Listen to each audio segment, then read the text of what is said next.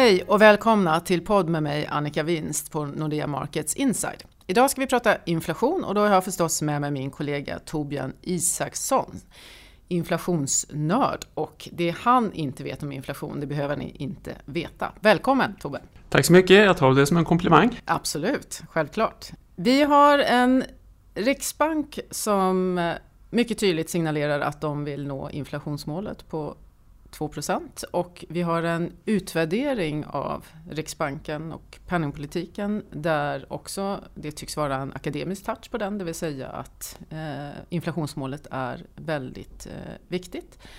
Eh, ur ett marknadsperspektiv så är det inte själva inflationen utan det är ju viktigt just för vad det betyder för Riksbanken. Eh, kommer Riksbanken att nå inflationsmålet i år? Som det ser ut i år? Nej, skulle jag säga. Uh, I och för sig är ju KPF-inflationen då, som Riksbanken tittar mest på, nära 2 uh, Men trenden i inflationen är inte tillräckligt stark, tror jag, för att en räntehöjning ska kunna bli aktuell i år. Men får man ingen räntehöjning i år så finns väl risken att man går in i en lågkonjunktur? Hinner man höja räntan då? Nej, troligen inte. Eh, och om man inte höjer räntan i år så eh, finns det faktiskt skäl att eh, befara att man inte kan höja räntan även nästa år. Och man kan tänka sig då att, att, att möjligen kan ju ECB tänkas höja, komma till skott och höja räntan under, sent under 2019 och då, då kan väl Riksbanken tänkas följa med. Men så att säga av inhemska skäl, av inflationsskäl, så ser det inte ut som, ser det ut som att en räntehöjning dröjer väldigt länge. Mm. Och vår prognos, Nordeas prognos, är ju att eh, det dröjer till slutet av 2019 innan ECB höjer räntan. Ja, precis. Eh, men Riksbanken har ju ändå tagit i ganska kraftfullt. Eh, varför lyckas man inte? Ja, det finns ju många sätt att beskriva det, men, men Eh, ett sätt är ju faktiskt eh, helt enkelt så att svensk ekonomi fungerar väldigt bra. Vi har ett mycket stort utbyte med omvärlden. Vi har stor utrikeshandel, både export och import är omfattande. Och vi har en bra konkurrenssituation på, på hemmaplan. Eh, och det gör ju då att eh, den här låga omvärldsinflationen, det låga kostnadstrycket av omvärlden sköljer ju över även den lilla svenska öppna ekonomin. Viktigt är också att lönebildningen i Sverige tar ju avstamp i hur omvärlden mår via industriavtalet. Eh, och eh, det sammantaget gör ju då att, att det är svårt att få upp inflationen. Men om det då går bra för Sverige, behöver man oroa sig över att vi inte når inflationsmålet? Nej, jag tycker inte det. Jag tycker inte att det är något större problem för svensk ekonomi att inflationen är låg. Det beror ju inte på missförhållanden i den svenska ekonomin. Men Riksbanken brukar ju säga att det är oerhört viktigt att bygga förtroende för inflationsmålet. Är inte det centralt? Jo, det är klart att, att någonstans är det väl bättre att inflationen är 2% än att den är 0 och det är klart att det är bra att ha ett nominellt ankare. Men i avvägningen mellan nyttan att bedriva den här väldigt expansiva ekonomiska politiken i ett läge när resursutnyttjandet är högt å, ena sidan. Å andra sidan de risker som det är förknippat med så tycker jag att, att, att i de här avvägningarna tycker jag nog att, uh, håller jag inte med Riksbanken. Det är bättre att ha en och en halv procents inflation och undvika att skapa bubblor som, som kan göra ont framöver. Ja, precis. Ehm, den skulduppbyggnad som, som har skett under, under lång tid har ju skapat, tyvärr skapat en skörhet i svensk ekonomi. Som, som, eh, det finns en risk att, att det slår tillbaks ganska mm. hårt faktiskt mot, mot svensk ekonomi i, i fallande sysselsättning och stigande arbetslöshet och låg tillväxt under liksom, en, en, en, längre period faktiskt. Mm. Så risken är ju bubblor men då behöver man ju ändå fundera över detaljerna i inflationen och skulle kunna hjälpa oss att bena upp. Uh, hur, ser, hur, hur ser inflationen ut? Vad är det, vilka områden så har vi inflation och vilka har man inte?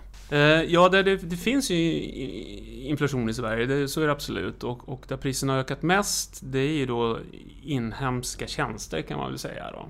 Och där priserna sätts då mer lokalt i Sverige, där finns det inflation. Och vi har ju sett då till exempel priserna på hotell, på restauranger och allt bilreparationer och den typen av tjänster. Där har ju, finns det inflation. Eh, även om den inte då är tillräckligt hög för att, för att den totala inflationen ska, ska bli 2% För det är nämligen så att den importerade inflationen då, den är ju väldigt låg.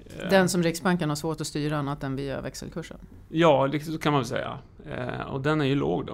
Och sammantaget är det här då inte tillräckligt högt då för att, för att inflationen ska stabilisera sig på, på de nivåer som Riksbanken vill se. Och glo låg global inflation, det är någonting som vi kan förvänta oss framöver också? Ja, jag, tror det. I alla fall under 2018. Alltså om den här synkroniserade globala uppgången som vi nu ser, som är ovanligt stark, eh, Eh, om den fortgår så kan det ju göra större avtryck i råvarupriser och, och eh, energipriser och annat också.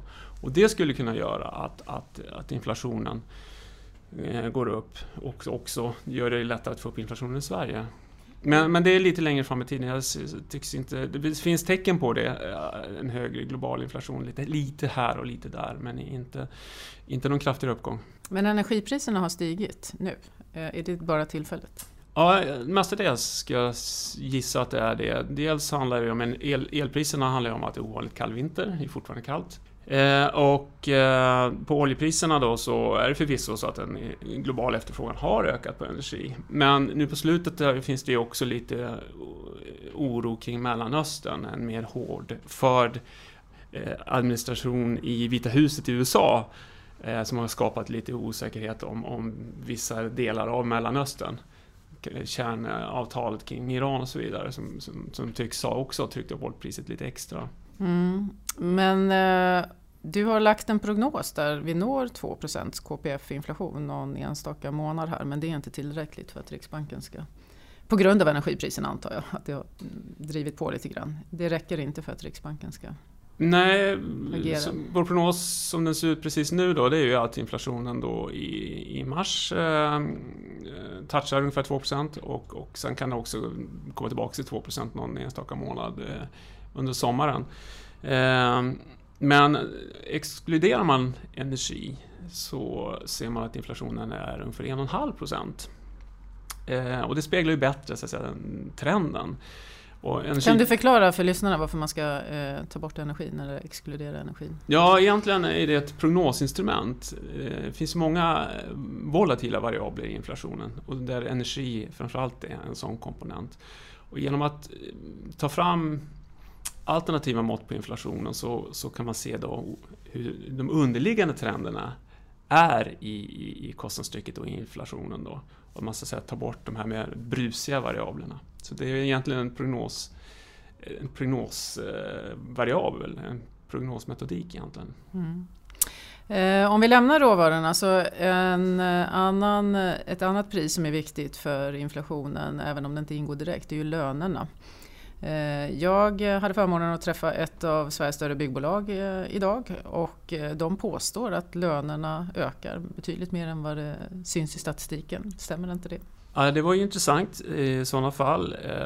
Det vore ju inte förvånande om löneökningarna och löneglidningen tar fart för vi har ju en ovanligt stark svensk ekonomi eh, konjunktur, vad gäller konjunkturläget och särskilt läget på arbetsmarknaden är synnerligen stramt. Så det vore förvånande om löneglidningen inte tog fart.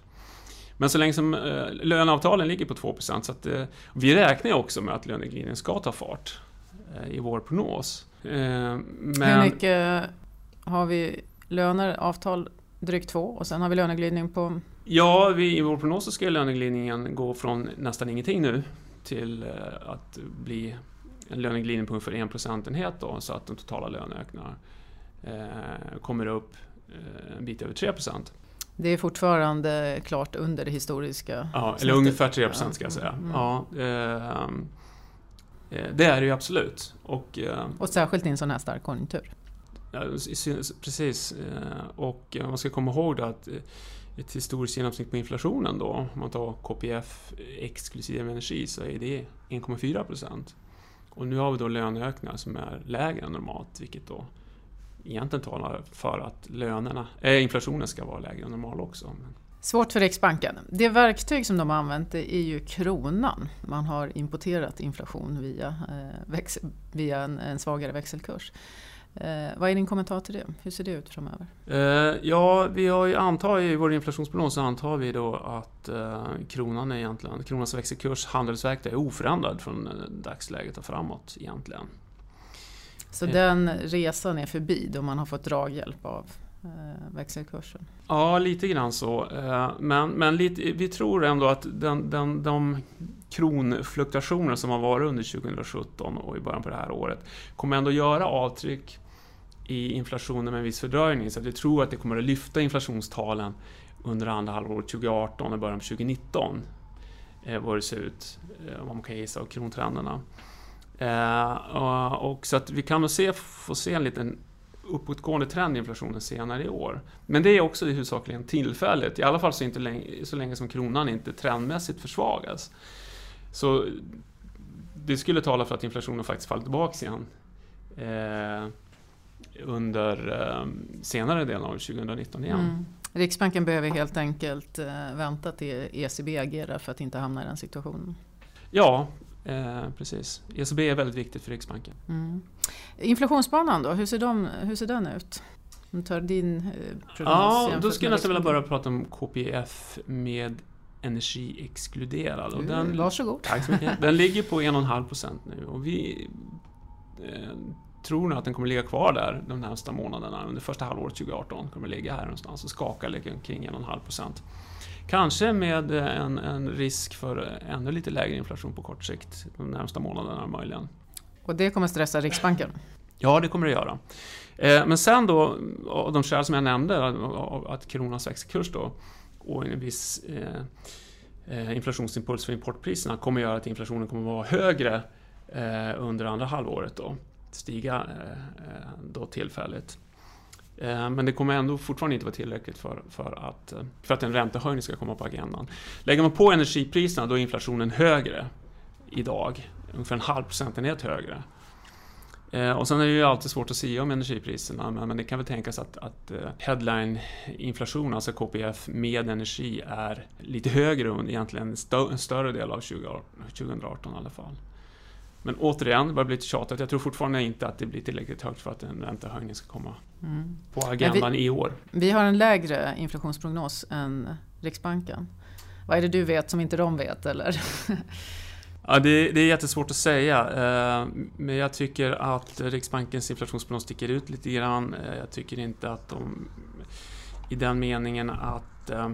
Eh, I alla fall om man pratar om på längre sikt, i den senare delen av prognosperioden, där de så att säga, parkerar inflationen på 2% Givet att de räknar med att kronan stärks och eh, även om de räknar med lite aningen högre löneökning än vi så, så bör det inte vara tillräckligt för att, att eh, få upp inflationen till 2 vad krävs för att komma dit då? Ja, rimligen så räknar kanske Riksbanken med att eh, marginal, vinstmarginaler och annat ska höjas också då som, som hjälper upp inflationen. Ja, nej, men det, det som krävs det är väl egentligen eh, Fundamentalt är det, handlar mycket om den här globala bilden som vi pratade om tidigare. Sen, sen eh, finns, det, finns det alltid en risk för utbudschocker på vissa områden och ett, ett av få områden som eh, kan få utbudschocker är ju livsmedel livsmedelspriser. Och historiskt, de gånger vi har haft ganska hög inflation i Sverige, så har det varit eller i, i världen också för den delen, så har det varit förknippat med en, en, en utbudschock av livsmedel. Mm. Eh, vi hade det 2001, vi hade det 2007-2008 också. Minst tomater och gurkor och kött? Ja, 2001 var det ju galna ko-sjukan och eh, 2008 så var det ju torka i Ukraina och USA vad det nu var.